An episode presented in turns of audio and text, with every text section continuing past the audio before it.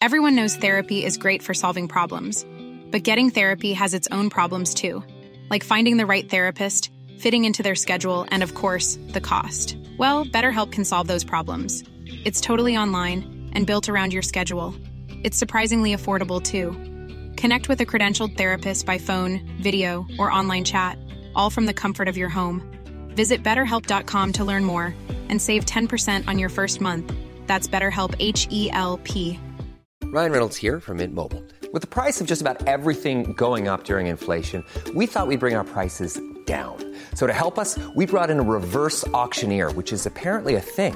Mint Mobile unlimited premium wireless. Ready to get 30, 30, bit to get 30, bit to get 20, 20, 20, bit to get 20, 20, bit to get 15, 15, 15, 15 just 15 bucks a month. So, Give it a try at mintmobile.com slash switch. $45 upfront for three months plus taxes and fees. Promo rate for new customers for limited time. Unlimited more than 40 gigabytes per month. Slows. Full terms at mintmobile.com. A lot can happen in the next three years. Like a chatbot may be your new best friend. But what won't change? Needing health insurance. United Healthcare Tri Term Medical Plans are available for these changing times. Underwritten by Golden Rule Insurance Company, they offer budget friendly, flexible coverage for people who are in between jobs or missed open enrollment. The plans last nearly three years in some states, with access to a nationwide network of doctors and hospitals. So, for whatever tomorrow brings, United Healthcare Tri Term Medical Plans may be for you. Learn more at uh1.com. Vi är denna vecka sponsrade av Indie Beauty. Och Sofie, det här tycker jag är extra fint och extra roligt. Ja men Indie Beauty är ju ett skönhetsvarumärke som jag tror att väldigt många känner till, men det jag älskar mest det är att Indie Beauty liksom vill vara mer än bara produkter, vilket de ju också är. Exakt. Indie Beauty står ju för Independent Beauty, skönhet på dina villkor och för din egen skull. Och Indie Beauty tror ju stenhårt på ett alternativt skönhetsideal fritt från måsten, skam och känslor av otillräcklighet. Där är jag helt med Indie Beauty. Jag med. Det är så jag vill att skönhet ska vara. Ja men verkligen. Och vet du vad som är nytt för i år Sofie? Berätta. Från och med i år så skänker Indie Beauty 1% av sin försäljning till Suicide Zero, Tjejzonen och Djurens Rätt. Så när man handlar produkter från Indie Beauty så kan man liksom känna att man också ger tillbaka till samhället. Ja, kraften i tillsammans. Ska jag säga en sak nu då, som Mm. jag, det, men det är detta jag är extra glad över. Nu har Indie Beauty tagit fram en keps och den tycker jag ändå så på sommaren, skydda sig från solen, Jättebra, jag älskar kepsen. men det bästa, de bidrar till Suicide Zeros viktiga arbete för att minska antalet självmord och självmordsförsök. Så för varje såld keps så går hela vinsten, 100 kronor, direkt till Suicide Zero. Då kan man liksom göra nytta både för samhället och sin hud på en och samma gång. Ja, och kepsen kostar 169, men alltså hela vinsten går då som sagt till Suicide Zero. Så om man vill göra skillnad när man är där ute i solen, nu när den börjar titta fram, då ska man välja den här kepsen. Den säljs exklusivt på indiebeauty.se och på Apotea. Tillsammans kan vi skapa en ljusare framtid. Vi ses med kepsarna på! Tack Indie Beauty. Vi är sponsrade av Mindler och som ni säkert vet sedan tidigare så är vi ju ute på psykologresan tillsammans. Men hur vet man egentligen när det är dags att söka hjälp? Ibland uppstår saker i livet som kommer utmana oss och kännas tufft. Det mesta självläker vi oss igenom, för vi är menade att ta oss igenom en viss mängd påfrestningar. Men ibland behöver man professionell hjälp för att ta sig ur jobbiga perioder i livet. Men vart går då gränsen? Vad är en del av livets skavighet och när är det läge att söka hjälp? Det sägs till exempel att stress är farligt, men att det också kan vara bra. Alla sover dåligt ibland, så när har man egentligen sömnproblem? Ångesten kommer väl krypande för de flesta någon gång. Så när ska man se ångesten som outhärdlig? Hur vet jag? Med oss som psykolog har vi såklart min gamla psykolog Linnea Seidbrant. Men Linnea, vad är egentligen utmattningssyndrom? Utmattningssyndrom är en konsekvens av svår och långvarig stress utan möjlighet till återhämtning. Vi är ju då skapta för att klara av stress, men vi behöver också återhämtning. Om du utsätts för för mycket stress under en lång period utan att du får till den nödvändiga återhämtningen så kommer kroppen till slut att säga ifrån. Och det är faktiskt så att alla har en gräns. Du kan drabbas av en rad fysiska eller psykiska besvär som trötthet, sömnproblem, hjärtklappning, besvär från magen och tarmarna och mycket annat. Och det här är ju då varningssignaler och tecken på att du kan behöva göra någonting åt din situation. Annars så kan besvären utvecklas till att du mår så dåligt på sikt att du blir psykiskt och fysiskt utmattad. Ladda ner Mindler till din telefon och läs mer på mindler.se.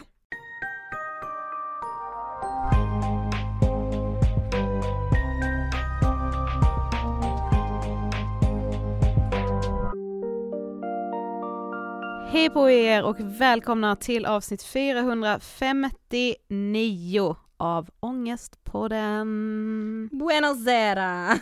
Gud, jag ville säga det på engelska. Jag, jag... Engelska var ju inte Nej, jag menar på italienska. Vad härligt! Välkomna hit. Hej hej. Ehm, det pågår en humanitär katastrof i världen. Jag vill uppmana att den som kan, skänk pengar till Rädda Barnen, UNHCR, barn ska aldrig behöva vara i krig, det är fruktansvärt när civila drabbas och ehm, jag vill bara börja avsnittet med det. Men sen vill jag också ta det vidare på, det här är liksom, det här är absolut inget det här har ingenting med det fruktansvärda som pågår, men saker måste ju få samexistera tänker jag. Mm. Jag fick alltså en eh, chock när jag lyssnade på Filip och Fredriks avsnitt eh, förra veckan, alltså för en vecka sedan. Mm. Avsnittet de hade släppt. Eh, så det här är alltså källan. Jag har, eh, så, jag har inte Du har inte grävt vidare i detta? Nej. Det, det har du inte? Nej det har jag, det har jag inte unnat mig, eh, för jag har bara stannat vid, vid det sjuka i det här. Så mycket bättre är ju igång. Mm. Vi ser stjärnor som Peg Parnevik, vår gamla poddgäst, Mm. eh, Ellen Kraus, Alltså jag är så, jag fullkomligt älskar henne. ja Igela Cherry, Ja, min. Mapei, Mm. ja, eh, Jonathan Johansson. Faktiskt, jag känner en jävligt bra säsong. ja, Mm. och också legendaren Mm. Lasse Holm. Jag trodde du skulle säga Dogge Doggelito för det är också Han är en också legendar. med. Men, ja, men, Lasse är, ingen nej, är ju som Lasse. nej, Men, ehm, då, Sveriges yngsta 80-åring. ja, absolut. Ja. Men då är det ju så här att du vet att det har ju blivit ganska känt nu att ehm, artister säljer sina låtkataloger. Ja. Man gör det kanske innan man går bort, man vill att det ska finnas ett arv till sina liksom Mm. barn och så vidare, de ska inte behöva ta i detta. Så jag, jag, tror, det, jag tror det var typ eh, Bob Dylan sålde ju typ sin låtkatalog för så två miljard, tre miljarder. Ja.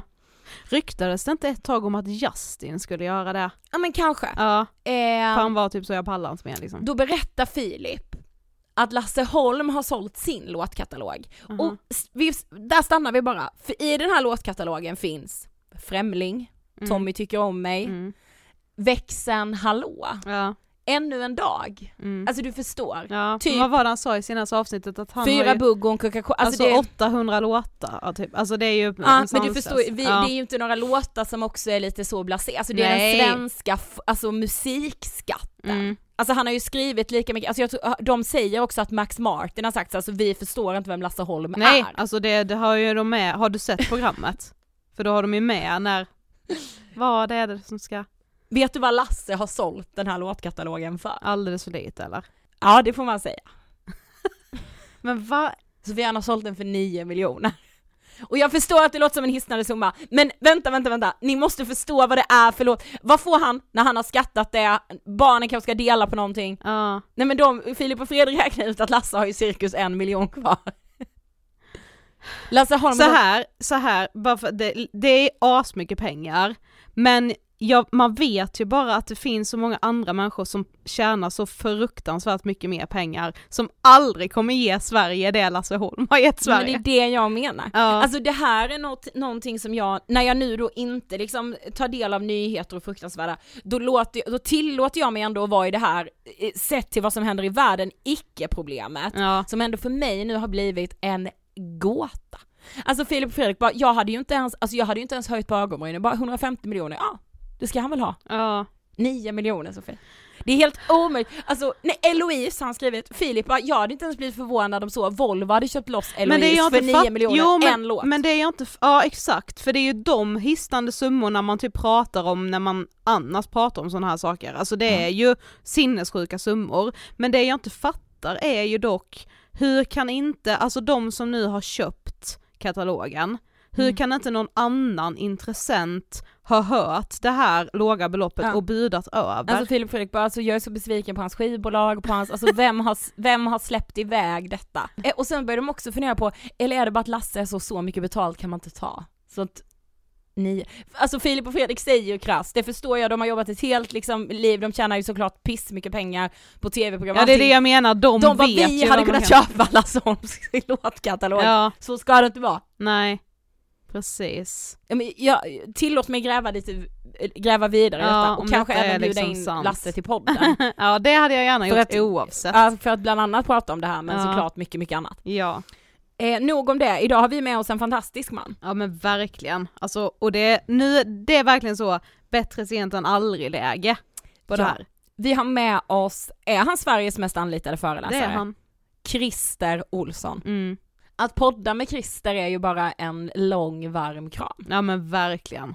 Alltså vilken otrolig människa och det blir ju ett samtal om sorg, eh, om att liksom någonstans värdera vad som är viktigt på riktigt och framförallt om att Alltså jag, jag tycker det var så uppiggande att Christer var lite arg och uttryckte sig i form av att vi har lurat en hel generation. Visst. Och det, det samtalet behövs. Vi rullar intervjun med Christer Olsson. Varsågoda! Hej Christer och varmt välkommen till Ångestpodden! Tack så hemskt mycket. Eh, Det är väldigt trevligt att få vara här även om det känns lite weird att överhuvudtaget finns en ångestpodd tänkte jag när jag Visst. promenerar hit. Det var vilket mode ska jag komma in i här Ja. nu liksom? Ja. vi hoppas att det kommer kännas bra även efter den här ja. timmen. Men du Christer, vi tänkte du ska först få berätta för de som inte vet, vem är du? Hur beskriver du dig? Min huvudroll det är att vara far till tre söner som är 31, 35 och 37 år gamla i år. Jag är eh, också farfar till fem barnbarn. Det är liksom mina Åh. viktigaste perspektiv i livet. Jag var tills för två år sedan gift med Karina sedan i princip 40 år men hon dog i en olycka 7 september för två år sedan. Eh, Jag, eh, jag har jobbat med utvecklings och förändringsledarskap kan du säga i drygt 30 år. Eh, 50% av min tid jobbar jag med föreläsningar.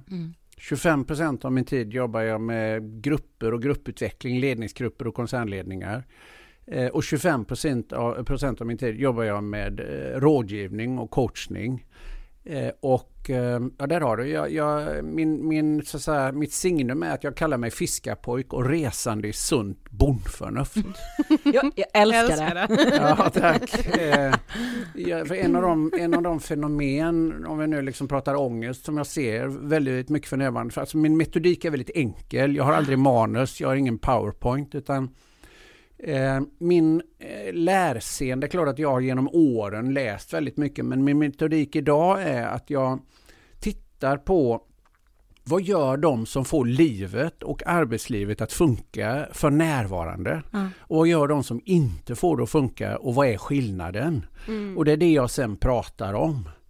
Eh, och det är också därför jag gör en grej av det här med liksom, eh, igen, jag pratar inte så mycket om det för, eh, under en period, men det här med liksom resan i sunt förnuft. Så att jag ser idag att alldeles för många människor krånglar till alldeles för mycket, alldeles för ofta, alldeles i onödan. Mm. mm. Eh, och det leder lätt till, eh, ångest är ju ett väldigt starkt ord egentligen, Mm. men till eh, starka oroskänslor, oron för att inte duga, oron för att inte livet och arbetslivet ska funka. Mm. Det möter jag ju jättemycket och det var därför jag tyckte att det var eh, trevligt att få ett tillfälle att få ge min syn och min erfarenhet på det här. Mm. Ja. Jag får på tal om ångest då så ska du få frågan som alla våra gäster får. Eh, vad tänker du på när du hör ordet ångest? Egentligen, alltså, eh, när jag hör ångest då tänker jag eh, på smärta smärta och på okontrollerbar oro. När, Mm. när oron griper dig i bröstet så att du inte längre kan kontrollera den. Alltså det är min eh, association. Det är därför jag tycker att det slarvas med ordet. Absolut. För jag har stor respekt för det och jag har ingen kompetens att jobba med det vill jag vara understryka. Utan, eh, så att, eh, men, men däremot så som det används i min vardag då är det stark oro. Oro att inte duga, oro att inte ekonomin ska gå ihop, oron att barnet inte är liksom friskt, oron för liksom plötsligt spädbarnsdöd och sådär. Ja. Alltså, jag möter ju mycket den här vardagsångesten. Jag möter ju inte krampångesten på det sättet, även om jag naturligtvis pratar med människor som har drabbats av och då och då drabbas av det. Precis. Men, men Christer, du är ju liksom Nordens mest anlitade föreläsare, du har jobbat med högt uppsatta VDR, ledningsgrupper. Hur blev det så? Hur hamnade du där? Ja, det, är en jättebra fråga. Det undrar jag också. För att det, har, det ena har helt enkelt bara lett till det andra. Men, men faktum är, ja, det, det, i sammanhanget kan det vara ganska intressant. Ja. Jag, jag gjorde en ganska radikal karriär redan som 30-åring. Satt jag i toppen på ett investmentbolag och var personal, informations och förhandlingsdirektör, gubevars. Men i, på tal om ångest så, så jag mådde inte bra. Nej. Jag mådde skit i klartext. Jag gick omkring med en ständig känsla som var, jag är inte så duktig som de tror. När ska de komma på mig? Det var inte om de kommer på mig. När ska de komma på mig? Och då ska ni veta att det här är 36 år sedan. Ja. Då fanns det inga böcker om imposter syndrom, det fanns inga ångestpoddar, det fanns Nej. inte ens Google. Eh, så att för mig var inte detta ett fenomen utan det var en verklig upplevelse. Jag är inte så duktig som de tror. Jag är verbal, jag har, jag har en hög energinivå, jag har lyckats lura dem eh, att betala mig denna höga lön och ge mig denna fina post, 30 år gammal. Och min lösning var samma lösning som jag ser alldeles för många idag göra. Eh, mer utbildning. Om jag går den kursen får jag nog frid i magen. Om jag går den utbildningen får jag nog frid i magen. Om jag går den kursen får jag nog frid i magen. Men det blev verkligen som vi skojar om. Still confused but on a higher level. Ju mer jag läste desto mer liksom, oro fick jag då. Ja. Eh, och ångest då. Eh, och, och eh, sen eh, så var det min dåvarande mentor. Mina föräldrar dog tidigt. Min mamma dog 30 år gammal när jag var fyra. Min pappa dog 46 år gammal när jag var 15. Så jag har haft mentorer hela mitt liv. Det är ett råd jag ger alla att skaffa. Eh, och då var det min dåvarande mentor, eh, Sten Åke, som sa till mig Kristersson, det här börjar bli lite löjligt. Det du behöver det är ingen mer utbildning. Det du behöver är att träffa en psykolog. Oh. Ja, och min inställning till sådana vid den tiden det var du, det är inget fel på mig. Nej, precis. Eh, och då säger han något jag aldrig glömmer. Nej, Christer, sa han, det är just det som är ditt problem. Det är inget fel på dig, men det begriper inte du. Där- Därför skulle du behöva träffa en psykolog. För det du letar efter utanför dig själv kommer inte du att hitta där du letar. Du behöver gå in i dig själv och där är inte jag längre en lämplig lots. Och på den tiden var det väldigt mycket regressionsanalys, berätta om din barndom. Ja, just och, det. och just, liksom. ja, just då var det till och med ännu värre. Mm. Eh, då var det väldigt mycket regressionsterapi, liksom det, var, det var primalterapi. Just mm. Eh, jag, jag har varit på Fars hatt i Kungälv utanför Göteborg och återfötts. Ja, åh, det... Mm. Ja, det räcker med en gång kan jag ju liksom Ja. säga. Ja. Eh, det var ingen, det var vidrigt. Eh, man skulle brytas ner och byggas upp. Ja. Och jag i- var med om det. Men då, då träffade jag den här psykologen, eh, en kvinna eh, utanför Göteborg och hon eh, började förklara för mig. Jag tror, tyckte ju att liksom det här med psykologi det var något flummigt, abstrakt. Men när hon då berättade vad händer med en fyraåring vars mamma dör Precis. en fyraåring begriper inte liv och död, kommer jag ihåg hon sa. Utan du vet bara att den viktigaste människan i ditt liv gick och kom inte tillbaka. Så jag fattade ju att mitt grundprogram, folk säger det, det, det är ingen fara liksom. Men min hjärna vet att det värsta kan visst hända. Tror de inte, de bara ljuger. Eh, mamma gick och kom inte tillbaka, värre blir det inte. Eh, Så det är liksom mitt grundprogram och när hon började förklara de här orsakssambanden för mig, vad, vad händer med en fyraåring? Eh, Jag lämnades i främmande hem, pappa hade inget val, han var fiskare. Mm. Eh, Och, och, och sen dör han själv då när jag är 15. Eh, och när hon sitter och förklarar de här olika orsakssambanden så blev jag så otroligt fascinerad eh, av det här. Och, och eh, så jag tyckte det här det var så otroligt logiskt, det var ju närmast algoritmiskt. Mm. Och jag var matematiskt road och tyckte liksom det här, det här var jättespännande. Och då, jag mådde så bra i och, av de här samtalen så då kände jag wow, det här var ju inget flummigt, det här var ju Nej. otroligt logiskt. Mm. Och då hoppade jag av och började läsa psykologi. Eh, ja, ja. Eh, jag, läste, jag är inte psykolog, jag läste inte färdigt men jag läste ganska mycket under en, och hade en handledare, en professor i pedagogisk psykologi som heter Torbjörn Stockfeldt som är, var en fantastisk man. Han gick tyvärr bort i april i år, drygt 90 år gammal men eh, gav mig fantastiskt mycket i livet. Men, men det, det, då, och då, då blev det en artikel eftersom jag hoppade av näringslivet Mm. och jag var ju en sån här så kallad young potential Mm. och eh, då blev det en artikel om det här. eh, Att, eh, att jag hoppade av och började läsa psykologi och då intervjuade de mig om det här och då beskrev jag att jag kände mig som en bluff. Och det är som sagt var 36 år sedan, fanns inga böcker, fanns ingen, ingenting att googla på. Och då blev jag uppringd av ett antal personer, andra young potentials, som sa men Christer, att du känner så, du som är så kaxig, du som är så verbal, du som är så tuff och modig, att du känner så har jag otroligt svårt att förstå, säger de. Ja. Men jag däremot, sa de, jag känner så och då tyckte jag du, Ja, du du är duktig på riktigt. och då sa de, tror du ja? och, då, och, då, och då insåg jag det, vänta ett tag nu, om han känner så, om hon känner så, om jag känner så, om hon känner så, om hon känner så. Alla andra tror att vi är så himla kapabla, duktiga och liksom eh, dugliga och trygga. Om, om vi alla vi känner så, då är det här intressant på riktigt. Ja. Och då, då började jag läsa om det här och började mm, diskutera det här med, med Stockfält och, och började förstå fenomenet. Eh, och då bad de, mig, de här andra, de bad mig helt enkelt, kan inte du komma hit och prata om det? Nej, så jag kan ju inte, jag kan ju inget om det, jag har ju bara svarat på frågor i en intervju. Ja, men men okej då, får jag intervjua dig? Inför min ledningsgrupp eller inför min, jag vet inte vad en CFO, den första, eh, en ekonomichef då för en stor börsnoterad koncern. Kan inte du bara komma hit så kan jag få liksom intervjua dig? Jo, absolut. Eh, och jag fick oförskämt mycket betalt. Jag, och så sa han, eh, ja, jag betalar dig såklart. Ja, men vad, vad, vad får man för en, Ja, nej, men vi, när vi tar in föreläsare och så, så, eh, så, så sa han vad han betalat. lite. Eh, Okej. Jag kommer. jag kommer.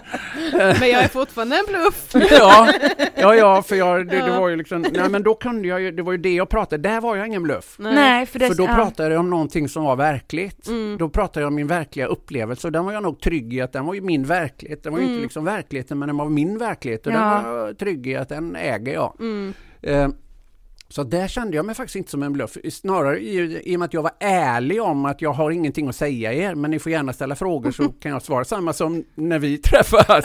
Jag kan inget om ångest, men ni får gärna ställa frågor så svarar jag efter bästa förmåga och så får vi se vad det blir. Annars får ni spola programmet.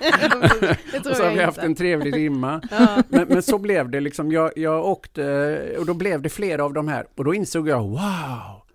Det här var ju jättespännande och jag fick återkoppling och Ja. de sa att det betydde någonting att jag berättade om mig själv. Mm. Det, kan, men det är ju inte sant. Kan, kan man leva på att liksom berätta om sig själv? Mm. så, och sen gjorde jag det. Och det, det ena gav det andra. Och man, du vet, då var det någon som går hem och säger, du vet vad, vi hade en kille här, och liksom, ni borde ta Ja, dem till ert precis. företag. Och sen är det, alltså, det här jobbet funkar ju väldigt mycket på referenser, särskilt Ja. när det kommer till rådgivning och personlig coachning. Mm. Jag kan idag kan säga att jag har, en, jag har en kö och det finns ingen i den kön som inte kommer från referenser. Nej. Precis. Eh, utan det är någon som känner att eh, man tillför nytta. Jag pratar ju mycket om det här tillföra nytta som idé. Mm. Mm. Eh, och, och mm, eh, när, när man, eh, alltså, betyder man något för en annan människa då berättar de ofta det för andra. Exakt. Och, det, och, och till slut så, ja, så är det faktiskt så att jag, jag har privilegiet att få vara i princip fullbokad. Mm. Ehm, och, och få träffa otroligt spännande människor och lära av väldigt spännande människor. Jag brukar ju skoja om det. Alltså, det, själva jobbet är ju liksom helt osannolikt. Alltså jag får betalt för att lära mig av de här briljanta tjejerna och killarna, mm. unga och äldre. Eh, och det jag lär mig av den ene, det kan jag sälja till den andra. Ja. Det jag lär mig nya saker som jag säljer till den tredje, fattar ni? Mm. Alltså sen den dagen jag upptäckte, wow! Så har livet bara varit, jag säger, jag har ju inget jobb, jag har ett nöje. ja. eh, jobbet i min del, det är resor. Mm. Ja, precis. Mm. Det är liksom det, om jag ska säga vad, vad jobbar du med? Jag reser. Men när jag föreläser eller eh, coachar, så det, det är bara inspirerande. Mm. Men du träffar ju väldigt mycket liksom erfarna företagare och företagsledare och det kanske inte egentligen är vår primära målgrupp i Ångestpodden men liksom vi och våra lyssnare, ja men det är ju många som mår väldigt dåligt idag. Ja. Eh, kan du se liksom, finns det något har vi samma problematik tror du som de här företagsledarna du träffar i att känna sig vilse och att som du sa lite innan att många liksom, vi gör det egentligen mycket svårare än vad livet egentligen behöver vara. Ja. Varför gör vi det? För det första är det ju ett antal så att människor i olika ledande befattningar som också har liksom de här känslorna. Eh, sen har jag privilegiet att få lära mig av väldigt många unga så det är faktiskt inte, jag, jag, jag, jag är med på liksom att det, det, är mycket min, den bilden man har av det jag gör men jag har också privilegiet att träffa många unga och få lära av och med många unga. Det hade inte funkat för mig annars Nej. om jag bara skulle leva liksom med människor i samma idéinkubator som jag själv skulle mm. i så mm. fall befinna mig. Det, det är ett råd jag ger alla lyssna på yngre, lyssna på äldre, prata med tjejer, prata med killar, prata med liksom mm. icke-binära eller vad du vill. Men mm. alltså lär av människor som inte tänker som du. Ja, verkligen. Ja, ja. Mm. Uh, och så att, jag har ju också, tyvärr har jag genom åren träffat jättemånga uh, unga tjejer och killar. Ofta är det ju då barn till uh, människor i ledningsgrupper mm. eller senast nu hade jag en föreläsning uh, alldeles nyligen. Ja, det var idag, jag håller mig långt ifrån uh, vad det var. Mm. där en kvinna följde mig ut till taxin och ställde frågor om sin 17-åriga son. Mm. och det känns otroligt meningsfullt. Jag sa, men ring mig ska vi prata mycket mer. Och då landar det mycket riktigt i, som jag också sa till henne, men jag träffar honom gärna eller jag pratar gärna med honom. Mm. Eh, och, och, då gör jag ofta det. Eh, och jag, jag, har ett sånt otroligt starkt minne från en sån situation som inte var långt härifrån. Eh, vi skulle träffas på Diplomat, det var dotter i en, i en eh, känd entreprenörsfamilj här i Stockholm. Och då tar jag alltid reda på först. Jag tar ett kort samtal jag ställer lite rutinfrågor för att ta reda på att en människa som inte har behov av, av psykolog eller psykiater. Mm. Ja, det. För mm. då, det, det, är jag väldigt noga med att jag är absolut ingen kliniker på något sätt och har stor respekt för de professionerna. Mm. Utan jag är livserfaren och jag har mycket sunt förnuft och jag, jag har varit med om mycket.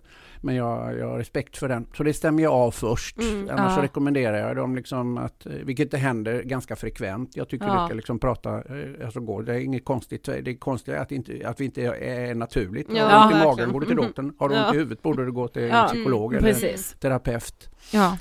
Eh, och det rekommenderar jag ofta. Eh, men, men, när jag stämmer av det eh, så brukar jag ofta be dem, jag vill att du liksom försöker sätta ord på dina tankar och känslor. Och det har de flesta väldigt svårt för. Mm. Eh, men den här tjejen hade inte det. Eh, utan då säger hon, eh, jag glömmer aldrig det. Och det blev någonstans en ingång för att intressera mig också för fenomenet. För då säger hon, jag vet precis hur jag känner mig. Okej, okay. Eh, kan, det brukar folk ha svårt att formulera. Ja. Nej men jag vet precis, jag, jag, känner mig som en liten perfekt accessoar i mina föräldrars perfekta familjebygge. Känn på den. Mm fruktansvärd känsla. Mm. När människans viktigaste behov är behovet att vara behövd. Mm. Eh, så att jag, jag, jag, har nog mött ganska och fått lära mig av ganska många unga människor också faktiskt. Mm. Eh, tror jag, även om jag inte är expert som sagt. Mm. Men man, man pratar ofta om, och man hör ofta att man liksom ska hitta sin inre kärna och att det ju är oerhört viktigt. Men hur gör man det? Hur ska man hitta hitta sin inre kärna? Ja, det får du gärna tipsa mig om. Jag är 66 år gammal. Jag har inte hittat min... Alltså jag tror att livet är en sökprocess. Det är så skönt att du säger det Christer. Det, Det, ja. det, det är liksom, jag, det, jag menar det är några saker som också är, jag, kan få komma tillbaka till den frågan. Men Ja. En fråga som är ännu viktigare för mig och en av anledningarna till att jag tycker om att få sitta här och resonera. Jag säger ju helt frankt att jag hävdar ju att vi har grundlurat generationer av barn och unga Ja. genom att säga till dem att de ska växa upp och bli starka och självständiga och klara sig själva. Och jag säger att det är ett bedrägeri. Vi lurar dem. Mm. Och det värsta är att de tror på oss. Och sen undrar vi varför de mår så dåligt när vi har det så bra. Jag undrar varför de inte mår sämre när vi är så korkade. Ja. För att det, det är, eh, ingen människa är, är, är, är stark och självständig ensam och klarar sig själv. Livet är tillsammansprojekt. Mm. Alltså ensam är inte stark i din evolutionära hjärna. Ensam är död Exakt. utanför grottan ute på slätten. Mm. Och när vi då säger till unga människor att du ska vara stark och självständig. Jag säger glöm det, det, det, det, det är lur. Du ska inte alls vara stark och självständig. Livet är ett tillsammansprojekt. Mm. Du ska vara ditt sanna jag. Eh, Du ska vara den du är. Eh, Alla är bra på något. Det är min väldigt enkla utgångspunkt. Alla är bra på något. Du ska vara bra på det du är bra på. Sen ska du jobba ihop med andra som är bra på det du inte är bra på. Det är hela idén med att vara människa. Det är idén med ett samhälle. Det är idén med en, en, en flock. I 10 000 generationer levde vi i flockar. Ja. 150 plus minus människor. Där var det jättebra att ha ADHD-människor som jägare och stigfinnare. Mm. Hitta nya jakt och boplatser. Mm.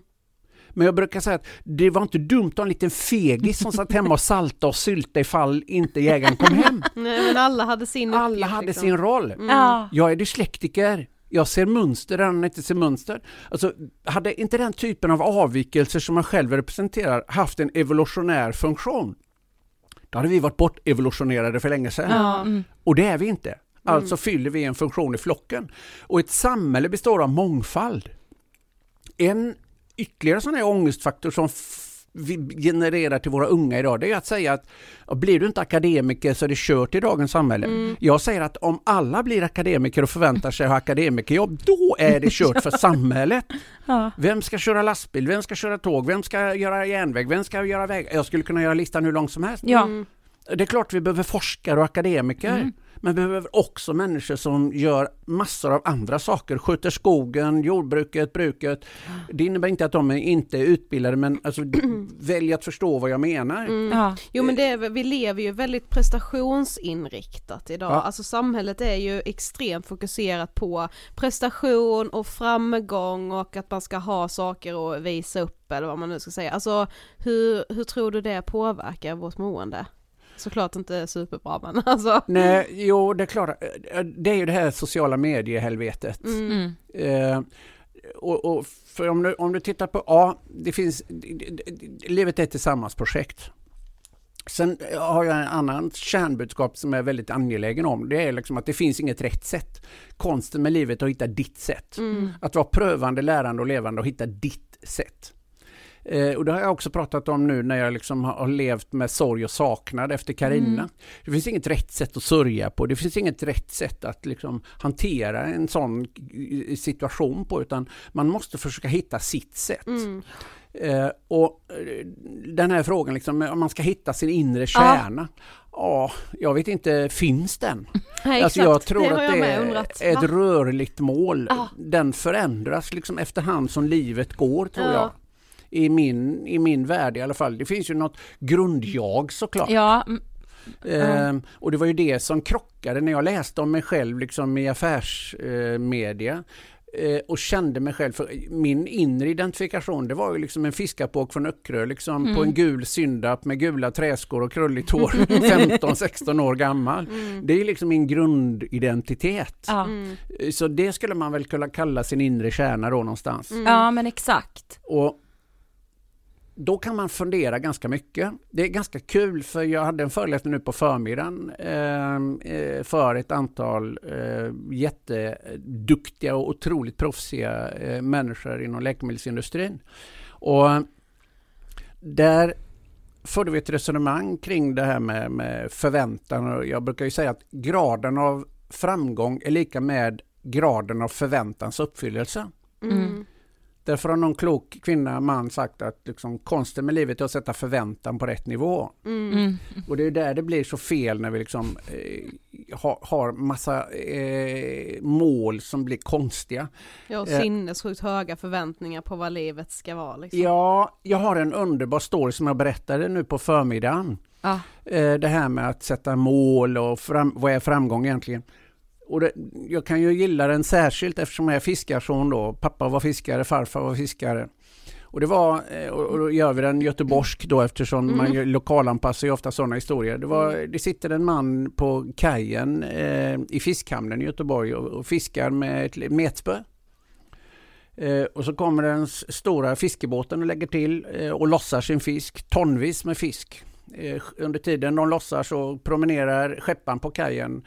Så går han fram till fiskaren som sitter där och, och, och säger liksom, ja vad håller du på med när jag fiskar? Ja, liksom, vad ska du göra med fisken då? Nej, det jag fiskar bara för att få liksom, mat för dagen.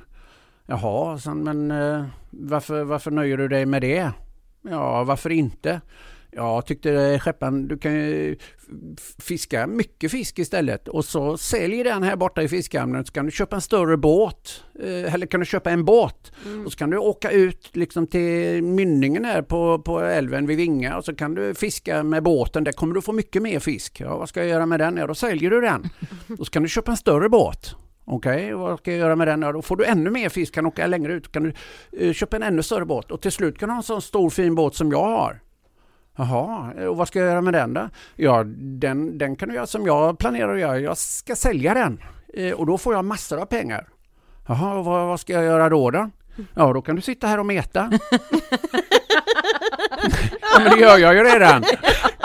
Alltså fy fan, ja det är ju så, Ja, alltså, alltså, ah, alltså det som är så fascinerande med många jag också jobbar med, karriärister och så här, entreprenörer, de, de, de jobbar halvt ihjäl sig. ja, för vad? För drömmen är att göra ingenting. Ja. Oh, alltså, Och, och någonstans liksom då att, att varken... Vi är så dumma, vi är så dumma. Ja, min första bok heter ju Vart är du på väg och vill du dit? ja.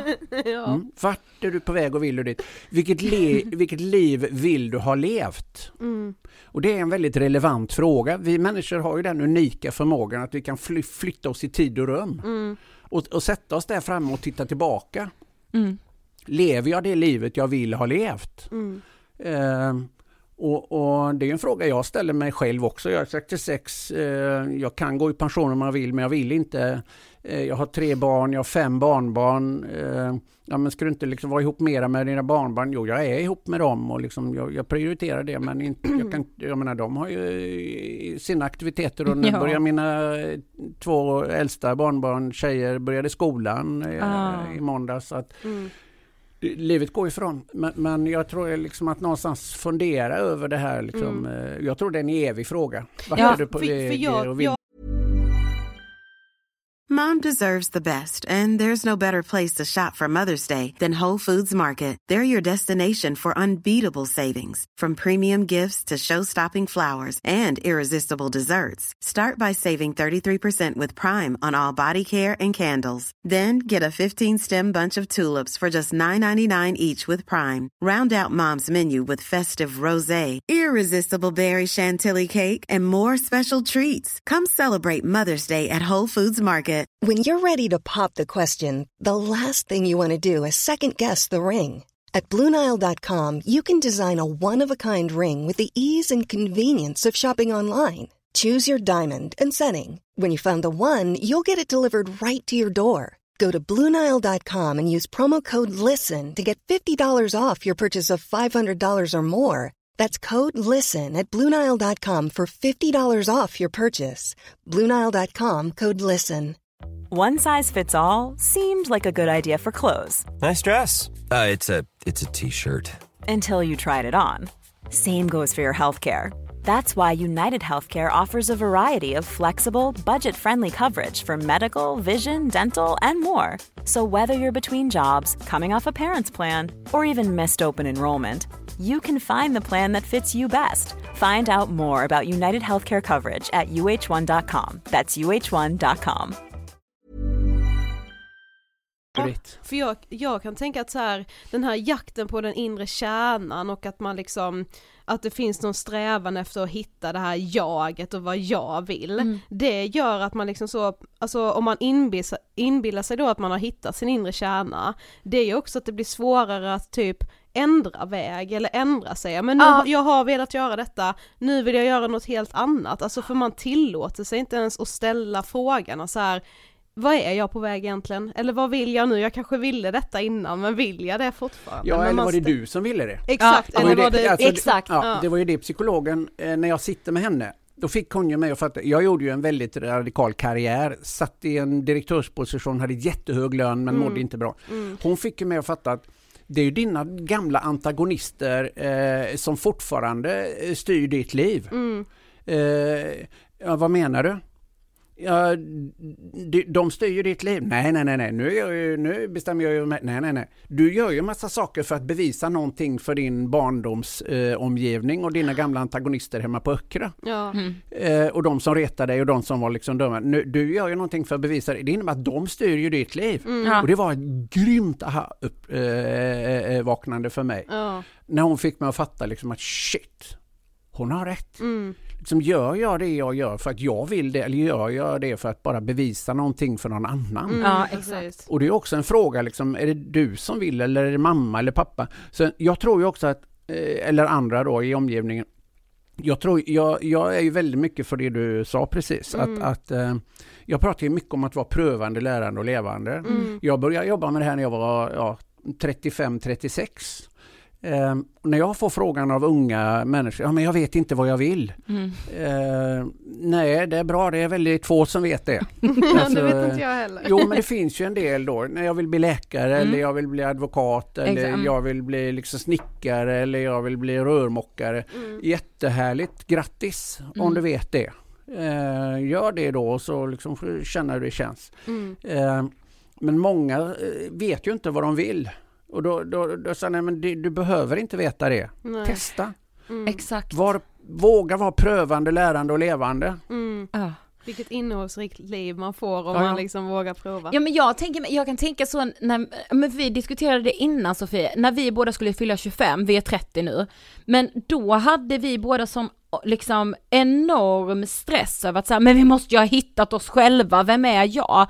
Men när man blir lite äldre också så kan jag tycka det är skönt att bara, lite äldre, men ni vet så här, senaste åren har jag tänkt, nej men ibland kommer jag veta vem jag är, sen kommer jag ju tappa det och sen får jag plocka upp den tråden och leta igen, alltså, mm. och att det typ inte är så skrämmande att landa i. I att så, jag kommer ju vara vilsen ibland i livet, så måste ju livet få vara. Ja. Mm. Jag måste ju inte vara liksom bombsäker exakt hela tiden. Det kan du inte vara. Alltså Nej. livet kommer att innebära olika typer av oförutsägbara och förutsägbara förändringar. Mm. Det är ju samma för mig. Jag, skulle, jag hade varit gift med Karina eh, i, i, i 39 eh, år. Mm. Eh, jag promenerade på Oslo centralstation. Karina var hemma. Jag skulle flyga från Oslo. Karina skulle flyga från Göteborg. Vi skulle träffa vårt femte barnbarn som hade fötts här i Stockholm. Den 3 september föddes lilla Paula. Mm. Och eh, vi skulle träffas och jag söker Karina på, på morgonen, får inget svar, ringer igen, får inget svar. Bara min son som bor hemma på Öckerö, min äldsta son. Jag har två söner som bor i Stockholm och en som bor hemma på Öckerö. Eh, går ner och kollar. promenerar bort på Oslo centralstation mot flygtåget för att eh, ta flygtåget eh, till Gardermoen och åka till Stockholm. Där jag skulle träffa Karina och, mm. och vårt eh, femte barnbarn. Och så klockan 12.17 den 7 september så ringer Gustav och säger mamma är död. Eh, och jag har jobbat med förändringsledarskap som sagt i väldigt många år. Men det här var jag inte beredd på. Mm. Och det är också livet. Mm. Eh, vi tror att vi vet så mycket. Vi tror att vi kan planera allt. Vi tror att vi kan planera och styra och ställa. Det kan vi inte. Nej. Alltså du kan lära av igår, du kan planera imorgon, men du, du lever bara idag. Mm. Och vi, jag menar, vi, vi livet för alla människor eh, utsätts för olika typer av förändringar, valda och icke-valda, lätta och svåra. Det är livet. Mm. Och därför tror jag ju på idén att, att tänka i ett lärande, tänka i liksom ett prövande, lärande, levande. Mm. Men när du går där på centralen och du söker Karina, du ringer henne, hinner du liksom börja bli orolig Ja. för att, ja du, har- jag, du jag, känner, jag ringde ja. henne på morgonen, kvart över sju på morgonen, fick inget svar, tänkte då badar hon. Ringde kvart i åtta, fick inget svar. Hade ju låg, då, då, då, nej men då kör hon på färjan. Ja. För hon skulle ju till Du är Stockholm då. Eh, ringer igen kvart över nio. Då tänkte nej men då har ni security. Sen, eh, så jag var i Oslo och föreläste. Mm. Och sen 12.07 ringer jag igen, då skulle hon vara i Stockholm och då insåg jag att det här stämmer inte. Mm. Nu är det ingen tillfällighet, det är något som inte stämmer. Och då gick jag in på eh, larmet och såg att ingen hade gått in och ut i huset hemma. Och då blev jag ju jätteorolig. Ja. Då ringer jag Gustav, men jag trodde fortfarande inte. Jag tänkte hon, hon måste vara sjuk eller har liksom kanske brutit benet eller någonting. För Mm. eftersom man inte hade men ringt eller så. Men vad, vad är, då blev jag riktigt orolig. Och så, snälla, men ändå inte mer än att jag promenerade iväg. Jag fick Mm. inte kramp och satt utan jag, jag promenerade mot flygtåget och jag var inte jätte, jag var orolig men inte jätteorolig. Mm. Och så ringer Gustav då och säger, då, då hade hon gått ner för trappan på morgonen. Det är lätt som man får blodtrycksförändringar när man står upp. Och så Ja. hade hon fått en liten stroke på helt fel plats i trappan. Faller så olyckligt att hon står pannan i stengolvet i hallen hemma och avlider omedelbart. Eh, så att, att eh,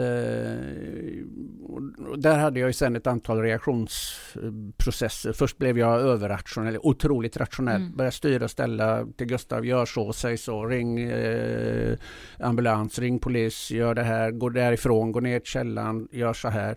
Jag ringer tillbaka, jag ringer min resebyrå och säger jag ska hem nu, nu, jag förklarar sen, men liksom, lös det bara oavsett liksom. Och så eh, var jag väldigt rationell, gjorde tre listor med människor som ska ringa. Jag måste ringa, oj, hon är död, liksom ambulans och polis hemma på udden.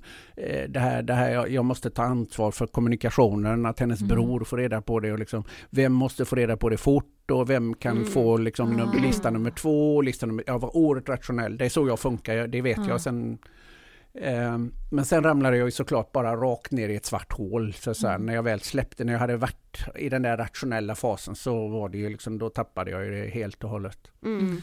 Eh, vilket på ett sätt var ganska skönt faktiskt. Ja, Eh, nu i efterhand. Mm. ja. Då var det ju förtvivlan bara men det var ganska skönt att få släppa det där väldigt rationella. Mm. ja precis. Också. Mm.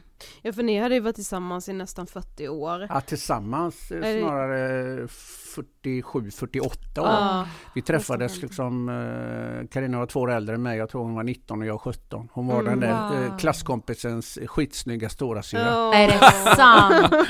Wow! Men vi hörde dig beskriva eh, en känsla av att allt du planerat finns inte längre kvar. Ja. Vill du utveckla den känslan lite? Vad var det du liksom... ja, det var ju verkligen så. Vi hade ju reson- jag, jag skulle ju åldras med Carina. Eh, och vi hade ju resonerat om liksom olika tänkbara scenarier och så här. Det, det, men det, det var ju också så att eh, när jag pratar om det idag så är det ju mycket det att vi, vi hade gjort, jag, i och med att min mamma dog när jag var 30, eller hon var 30 och jag 4, pappa Mm. dog 46 år gammal. Då har jag ju inte tagit för givet att jag ska bli gammal. Nej. Utan jag har ju levt, på tal om ångest, jag har nog aldrig kallat det ångest, men Carina skojar ofta om det att jag hade både 40 eh, års ångest och 50 års ångest och 60 års ångest. Jag, jag, jag trodde ju inte jag skulle bli gammal så att jag hade ju matat in försäkringar till familjen så att de skulle klara sig när jag dör. Det, åt, det var samma känsla, liksom. jag tog för givet att jag kommer inte att bli gammal. Mm. Och det, det, det, har också lett till att jag och Carina har levt livet levande. Ja. Eh, och och det, det, det pratade jag med en person om på söndagen. Eh, när jag inte är så förmögen, men jag är väldigt rik, pratade vi om. Mm. Jag har inte så mycket pengar för att, eh, de är i försäkringar och de har jag och Carina levt upp. Vi har rest med familjen, vi har upplevt jättemycket saker. Så jag har mycket upplevelser, jag har en rikedom, Mm. men jag har inte så mycket förmögenhet. Och det här pratar vi om på söndag kväll, där, den, den här personen och jag. Eh, Och sen hände det här då på tisdag. Mm. Så att, eh, och därigenom, men vi hade ju ändå pratat om en framtid och fantiserat och ska vi göra si och ska vi liksom sälja våra sommarhus och, och göra något annat? Ska vi liksom, alla de där planerna, de, de, de bara, det, allt var ju bara tomt, Mm. noll. Då står du där helt ensam. Liksom, med begränsad, jag har ju tre underbara söner och fem barnbarn, men alltså Ja, som, men- utifrån partnerperspektivet Mm. Ja, så var det en väldigt dramatisk situation och livsförändring såklart. Mm. Jag, och jag är dessutom, jag är eh, jag, jag är någonstans, det har ju med min bakgrund att göra. Jag, jag, jag har varit tillsammans med någon sedan jag var eh, 14 i princip. Mm. Så att, att bli ensam var äh, förödande. Mm. Men vi hörde också dig säga i en intervju, just, och jag tycker det här är så intressant, vi var inne lite på det, men att folk kunde säga till dig att så här, du måste ge dig tid att sörja och du måste liksom Ja. ge, ge dig utrymme för sorg. Och, och du nämnde ju det att så här, finns det liksom rätt och fel sätt att sörja? Ja, nej det gör det ju verkligen Nej. inte. Utan jag vet, eh, han, jag menar den, en offentlig person så är Pigge Werkelin, han fick ju extremt mycket kritik. Eh, eller kritik kanske inte det blev, men människor ifrågasatte honom för att han liksom var aktiv väldigt tidigt och han träffade någon ny tidigt som för övrigt också hade drabbats av samma sak som, som honom, vilket Ja. jag eh, kan se var ganska naturligt då. Och inte konstigt, men eh, och jag hade själv en sån upplevelse Eh, ett par månader efter eh, Carina hade gått bort så fick jag frågan, det var på mitt hotell, fick jag frågan liksom, hur är det? Och jag skulle precis svara, tack det är kanonbra. Och så kom jag på, nej men det kan jag inte svara. Hjärnan hann ikapp mig. Nej men det kan jag inte svara. Det kan, det kan ju inte vara bra två månader efter eh, att min livskamrat har dött. Mm. Eh, så då svarade jag liksom, ja jo det är okej, det går. Och, jag, och jag, jag som förespråkar att vara autentisk och ärlig, Mm. jag, jag insåg att jag ljuger ju. Och det var en, det var ett, det var en sån aha-upplevelse. Eh, och så pratade jag med min bror eh, om det här. Ja. Och då skickade han mig en låt. Feeling bad, not feeling bad. Mm. Ah. Så jag mådde ju dåligt för att jag inte mådde dåligt. Ja, man får liksom lite skuldkänsla Ja, typ. exakt så. Ah. Eh, Medan jag och Carina hade ju pratat jättemycket om det här, framförallt jag. Ja. Eftersom Mm. jag utgick ifrån att jag skulle dö. Och då hade vi pratat om det här. Mm. Att liksom, för jag vet ju min pappa, eh, när han, jag kommer ihåg samtal han hade, liksom, hur han hanterade att, eh, menar, eh, han, min pappas fru dog ju 30 år gammal när hans barn var fyra. Ja. liksom, Mm. Så att det var ju väldigt, väldigt tufft. Och, och då vet jag att han pratade om att liksom ett sätt att komma tillbaka, det var han reste bort och jag lyssnade på honom en del. Och det sa jag till Carina, liksom, tänk nu på det här liksom eh, eh, för det var liksom någonstans, jag har ju lärt mig att inte säga om jag dör, det är ett ganska Mm. intressant uttryck, om jag dör liksom, jaha du har ett alternativ, liksom. Ja, kan du presentera det för mig? Men när jag dör, Ja. Eh, så vill jag att du gör så här, då vill jag att du lever vidare. Jag vill att du liksom eh, skapar dig ett nytt bra liv, vad det än består av. Ja, precis. Mm. Om det liksom bara är nära dina vänner eller om det är liksom en ny man eller om det är liksom, det, det har jag ingen synpunkt på. Jag finns inte. Jag vill bara att du liksom aktivt skapar ett bra eh, liv. Mm. Och vi hade resonerat ganska mycket om det. Mm. Eh, därför, det, det fanns ju inte i min hjärna att, att, att hon skulle gå före. Nej. Nej, precis. Men vi har Eh, pratat en del i Ångestpodden om att vi tycker att man pratar liksom generellt sett ganska lite om döden.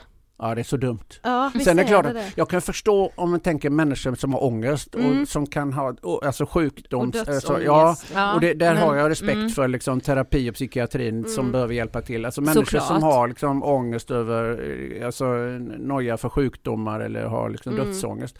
Då, då, kanske man inte ska prata så mycket om döden. Mm. Men för alla oss andra Ja, Mm. exakt. så är det tvärtom. Så jag har skrivit en ny bok nu. Jag har skrivit fem böcker tidigare. Mm. Eh, men jag har skrivit en ny nu som är på väg, som kommer att släppas under hösten. Mm. Och eh, den heter Bron mellan två liv. För det är ju så jag ser på det. Jag hade ett gammalt liv med Karina och det finns alltid kvar och det finns en bro till det eh, i form av mina barn och barnbarn och så vidare. Men jag måste också skapa ett nytt liv Mm. resten av livet. Mm. Eh, men jag skriver bland annat i den boken att det är väldigt, väldigt eh, synd eh, att vi inte pratar mer om döden. Det var dessutom min förslag till boktitel. På, på flera bohuslänska kyrkogårdar så står det in, inskription över ingången. Ja. Tänk på döden. Mm.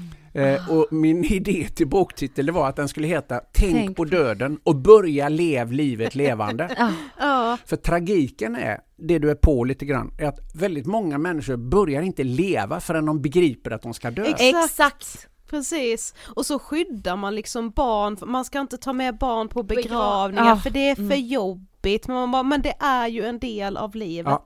Det är det enda du vet när du Ja. föds, att du ska dö. Ja, Allt annat är antaganden med varierande liksom- grad av sannolikhet. ja. Vi brukar få frågor ibland, alltså att folk skriver till oss just då ångestrelaterat också att så här, ja men nu har eh, mormor gått bort och jag vet inte om jag vågar berätta för barnen att det är självmord. Och vi svarar ju alltid att ja, vi är inga läkare eller psykologer men vi uppmanar såklart att du ska göra det för att Annars blir det ju ännu mer stigmatiserat och det, om, vad, vad ska man då? Så ska det omgärdas av någon lögn eller ska det, alltså vi är ju så rädda för de här samtalen kring döden. Ja. Trots att som du säger Christer, det är det enda vi vet. Ja, precis. Och alla gör det. Ja, Alla dör. exakt. Eh, och det är liksom någonting vi behöver veta eh, och leva med. Så att nej, jag, eh, jag, jag, jag tror ju också det här liksom att ha en, en mera öppenhet kring det här. Att, eh, och det, det, det, alltså ärligt, det är, ju, det, är ju- det är ju för att jag inte har tagit för givet att jag ska bli gammal som jag har verkligen fått privilegiet att leva ett rikt liv. Ja. Och, och fått uppleva massa saker och fått ägna mig åt det jag tycker är roligt. Ja. Eh, eftersom det har varit viktigt för mig.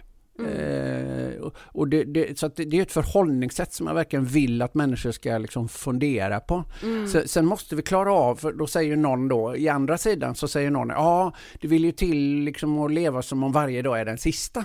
Och då säger jag, nej kanske inte. Nej, för det Eh, för ärligt inte. talat, om detta var min sista dag så skulle jag till exempel inte vara här nu Va? med all respekt för att det är väldigt trevligt att prata med er. För då skulle jag vara med mina barn och barnbarn Ja, big time. Ja, Ja. och man kan ju inte heller liksom så här, det är klart att jag hade önskat att jag inte liksom behövde planera för liksom kanske nästa vår eller vad jag ska göra om några år men någonstans måste man ju Ja. så här rent ekonomiskt måste man Ja. ju planera lite Vi måste klara av också. att ha två tankar i huvudet samtidigt. Ja, å, ena, å ena sidan planer, jag planerar för att jag eh, skall och kommer att bli gammal Mm. men jag tar det inte för givet. Nej. Det är två helt olika eh, saker. Mm. Eh, jag utgår inte från att jag blir gammal men jag planerar för det. Ja, Och jag organiserar för att jag kommer att bli gammal. Och jag inspireras av att få privilegiet att fortsätta jobba. Ja. Kai Pollak är en stor inspirationskälla för mig. Han är, jag tror han snart är 85. Nej. Ja, han har Han var varit för ett i podden, han var här i höstas. Ja. Ja. Ja, så inspirerande. Ja. Ja visst är han 84, Ja, och- 85? 85 tror jag. Ja, exakt. Han sa faktiskt Och att still han, working, det är Ja, 20 då. år till för mig. Ja. Exakt! Ja, Mick Jagger rockar röven av arenor, 80 år gammal. Ja han var väl... Dansa med honom i tre timmar om du orkar. Ja men han var väl till och med, han var i Stockholm i våras va? Jajamän, Ja, jajamän. Ja. Ja. Men, men vad skulle du säga, alltså är det Nej det var nog förra sommaren men det är inte Ja, riktigt. men jag minns liksom de Ja, ja. konserter och man Ja, ja. tänkte liksom hur är det här möjligt, men det går ju. Ja det är det. Nej men jag tänker, alltså är det några liksom lärdomar du tar med dig från en sån här oerhörd sorg? Ja mängder Ja, är det. Kan du inte dela några? Ja, en, vet du vad, en, det- är många reflektioner, det är de jag har skrivit en hel bok om, men, men eh, eh, en är att jag, jag har någonstans i min värld en upplevd skillnad. Jag har aldrig tänkt på att människor skiljer på sorg och saknad. Eh, Men det gör vi. När vi pratar så pratar vi om sorg och saknad. Sörjd och saknad. Sorg och saknad. Mm. Och jag har liksom aldrig tänkt på det. Men sen började jag liksom fundera och rota och när jag pratade med människor, vad menar du med det och vad menar du med det? Liksom, vad är skillnaden mellan sorg och saknad? Och jag, jag Alltså, och då, då, då, då blev, gled de här begreppen isär lite för mig. För då, då fattade jag att jag kommer ju att sakna Karina för resten av livet. Alltid. Såklart. Eh, men, men jag identifierade också att sorg, eh, för de jag har pratat med som har fastnat i sorg, då är sorgen väldigt ofta kopplad till ånger. Jag ångrar att jag inte sa till mamma, jag ångrar att jag inte sa till pappa, jag ångrar Ja, att jag inte gjorde, jag ångrar att vi inte tog mamma till Jerusalem som vi hade lovat så blev hon sjuk och så blev det inte. Jag tänker på det varje dag, var det en kvinna som berättar för mig. Alltså, och den tror jag eh, i- gör någonstans att vi fastnar i det förflutna och därför uppmanar jag människor, se till att inte ångra någonting om det händer för du vet inte när. Du vet bara att det kommer att hända. Eh, och jag fick frågan i, i, i ett poddsammanhang, eh, vad skulle du göra om du fick en, en eh, vecka till med Karina? Jättesvår fråga. Jag sa nej det var ingen svår fråga, det var en av de lättare frågorna. Eh, jag skulle göra absolut ingenting. Vi skulle kramas en vecka. Mm. Eh, och jag skulle nog inte prata så mycket, jag har nog pratat färdigt i den relationen. Men jag förstår vad du menar. Mm. Om jag har något jag vill säga. Och, och jag har inte det. Och det är helt magiskt. Ja. Eh, Jag sa till Carina hur mycket hon betydde medan hon levde. Jag sa att det är hon som är grunden till att vi kan leva det livet vi lever och att jag kan få jobba med det jag gör. Vi var verkligen ett tillsammansprojekt. Hon löste eh, en del och jag löste en annan del och vi skapade ett liv tillsammans. Mm. Eh, Och det sa jag när hon levde. Så jag, jag, jag skulle ge vad som helst för att ha henne tillbaka fem minuter, men inte för att prata. Nej. Alltså, och den känslan, den Exakt. råder jag alla att skaffa sig. Eh, att liksom leva i, i trygghet med att inte ångra någonting om det händer helt plötsligt. Mm. Eh, så det, den, den har jag funderat mycket på.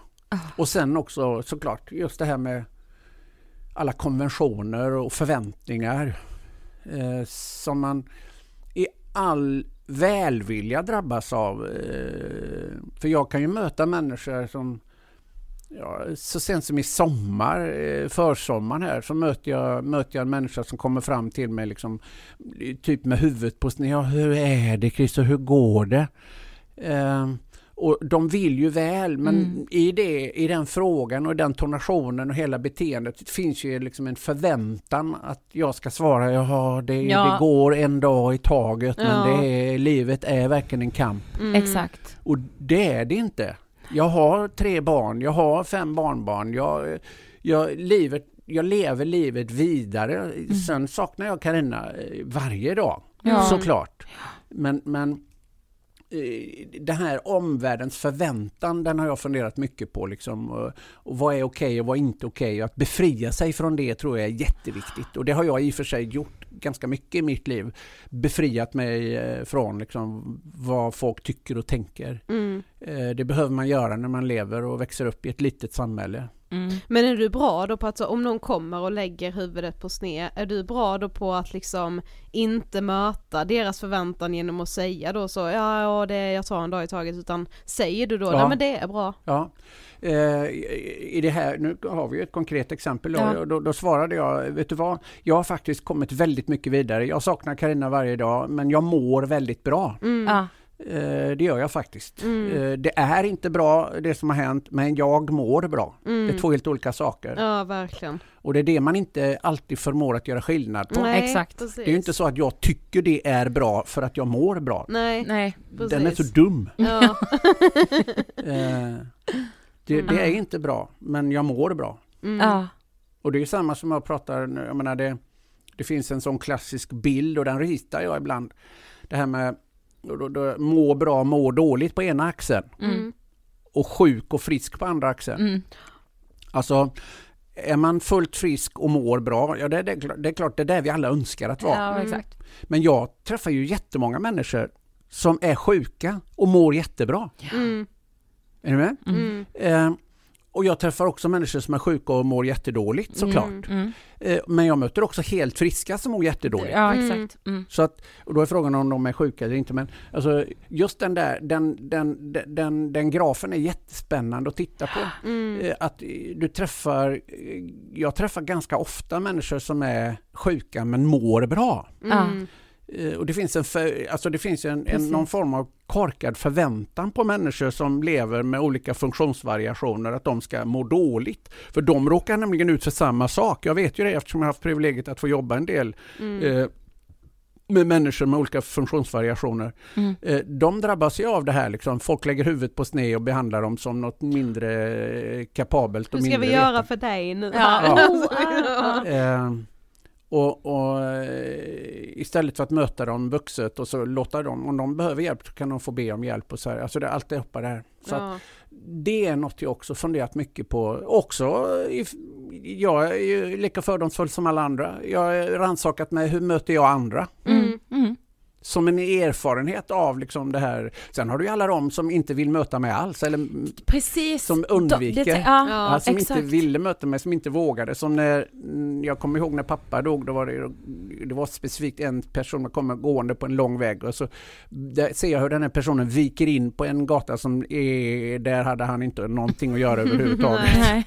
Bara för att slippa träffa mig. Ja. Exakt. Och det kunde jag märka nu också efter Karina att Eh, Några var väldigt liksom på och krama och jättehärligt och Mm. några eh, tyckte det var jobbigt och det respekterar jag. Mm. Det återigen, det finns inget rätt sätt där heller. Nej. Jag måste ju respektera att andra människor också kan tycka att det här är en jobbig situation och hantera den. Jag kan ju inte gå omkring och ha, definiera vad som är rätt sätt att möta mig på. Nej. På samma sätt som de inte har rätt att definiera hur jag ska vara. Nej men eh, Tyvärr precis. tror jag dock att många av dem som kanske inte vågade då prata med dig hade, tänkte kanske att de ville men de visste inte riktigt hur Nej, och då exakt. undviker man det här. Jajamensan. Ah. Alltså för att man, det är återigen så för att man inte har pratat om döden bara Nej men hur ska jag vara om han Ja, säger exakt. att han mår jättedåligt Ja, och hur ska jag ja. reagera Ja, då? men det är Så samma vi säger det. med psykisk ohälsa. Ja precis. Som Precis. funktionsvariation eller liksom, och, Ja. så att inte våga möta, ja men eh, hur är det? Ja, det? Och ibland när folk frågar mig det, hur är det? Har du tid? Mm. Mm. Ja. Alltså, det är inte för det, jag, det är ju en du? fras bara. ja, ja men precis. Ja. Ja men då det tänker jag liksom, alltså i samhället i stort och på arbetsplatser, säger att någon får en utmattning eller en depression, vi har så svårt att möta det. Ja. Det är lätt att möta att någon har feber, okej krya på dig. Mm. Men mm, vi, vi är Eller det är liksom väl inte att vi riktigt har en för- rustade. Nej eller så, vi har nog egentligen inte svårt att möta det men vi har en förväntan på hur man ska möta Exakt. det och tror att, att bara lyssna inte räcker liksom. Ja, Mm. det tror jag också. Ja. Och jag, jag, jag pratar, alltså jag, det är klart i mitt jobb så, och jag, jag som, som person, jag har en tendens att överanvända vissa uttryck ibland och just nu är det autentism och sårbarhet för det är det Mm. jag ser eh, verkligen är. För vågar man vara autentisk och sårbar så vill människor, alltså en frisk människa vill alla andra eh, människor Väl, väl. Mm. Så att vågar man vara sårbar så kommer människor att hjälpa dig. Mm.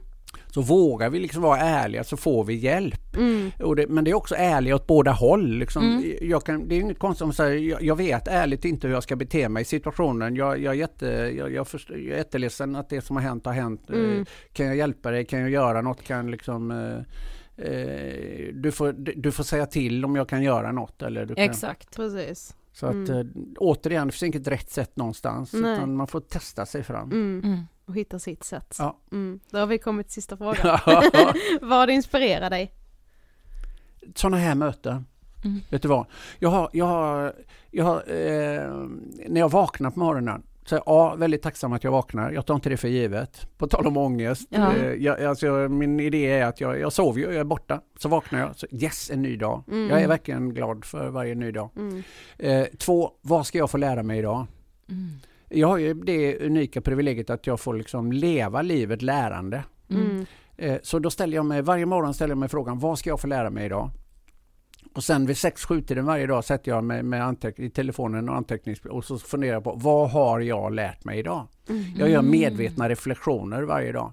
Så det som inspirerar mig det är mänskliga möten som vårt. Eh, Den här typen av samtal. Mm. Eh, och att få gå omkring och identifiera vad är det som gör eh, att det funkar för dem som får det att funka oavsett vad de har för förutsättningar i livet. Mm. Och vad är det som gör att det inte funkar för dem det inte funkar? Att klura på det. Det är också en lärprocess. Ja, Det inspirerar mig jättemycket. Mm. Ja det här samtalet har inspirerat mig. Ja. Tusen tack Christer Tack. för att du ville gästa Ångestpodden. Tack så hemskt mycket för att jag fick. Tack. Alltså det är någonting som slår an i mig av att leva livet levande. Ja, verkligen. Men också just det här, alltså det är så jävla sant, men just det här liksom individualistiska samtiden som vi lever i idag, som också har lärt, inte bara unga utan oss alla tror Mm. jag, men det, vi går ju liksom runt och hela tiden tror att vi ska klara allting själva, att man ska vara självständig, alltså det är mitt största problem i mitt liv, att jag har Ja. så fruktansvärt svårt för att be om hjälp, för att jag hela tiden tänker att jag ska klara allting själv. Men det är inte rimligt, alltså vi är flockdjur, vi, vi mår bra av att be om hjälp, lösa saker tillsammans, Ja, du vet- du är, det är Ah. inte coolt att klara av allting själv. Ska jag säga, alltså jag blir också så, alltså för detta, detta ska jag vara helt ärlig med, jag var lite orolig.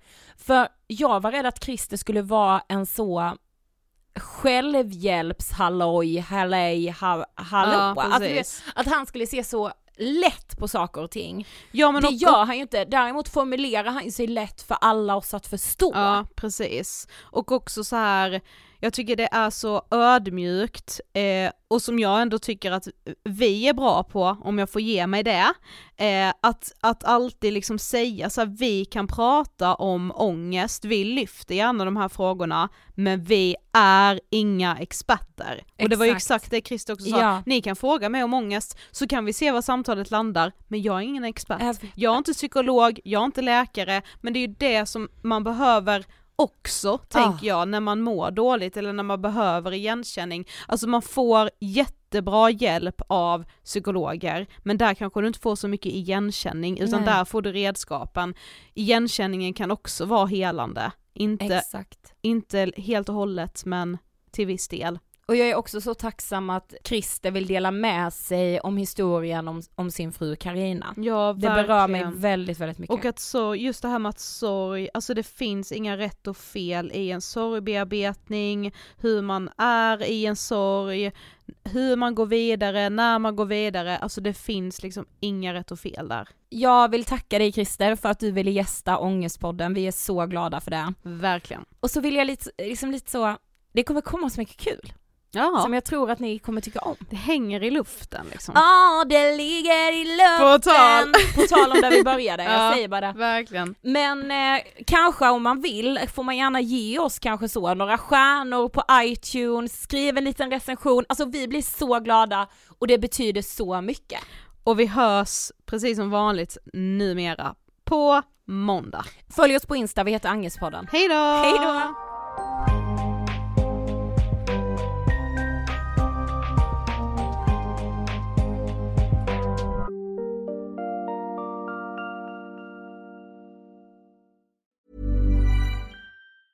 Mom deserves the best, and there's no better place to shop for Mother's Day than Whole Foods Market. They're your destination for unbeatable savings, from premium gifts to show-stopping flowers and irresistible desserts. Start by saving 33% with Prime on all body care and candles. Then get a 15-stem bunch of tulips for just $9.99 each with Prime. Round out Mom's menu with festive rosé, irresistible berry chantilly cake, and more special treats. Come celebrate Mother's Day at Whole Foods Market. Even when we're on a budget, we still deserve nice things.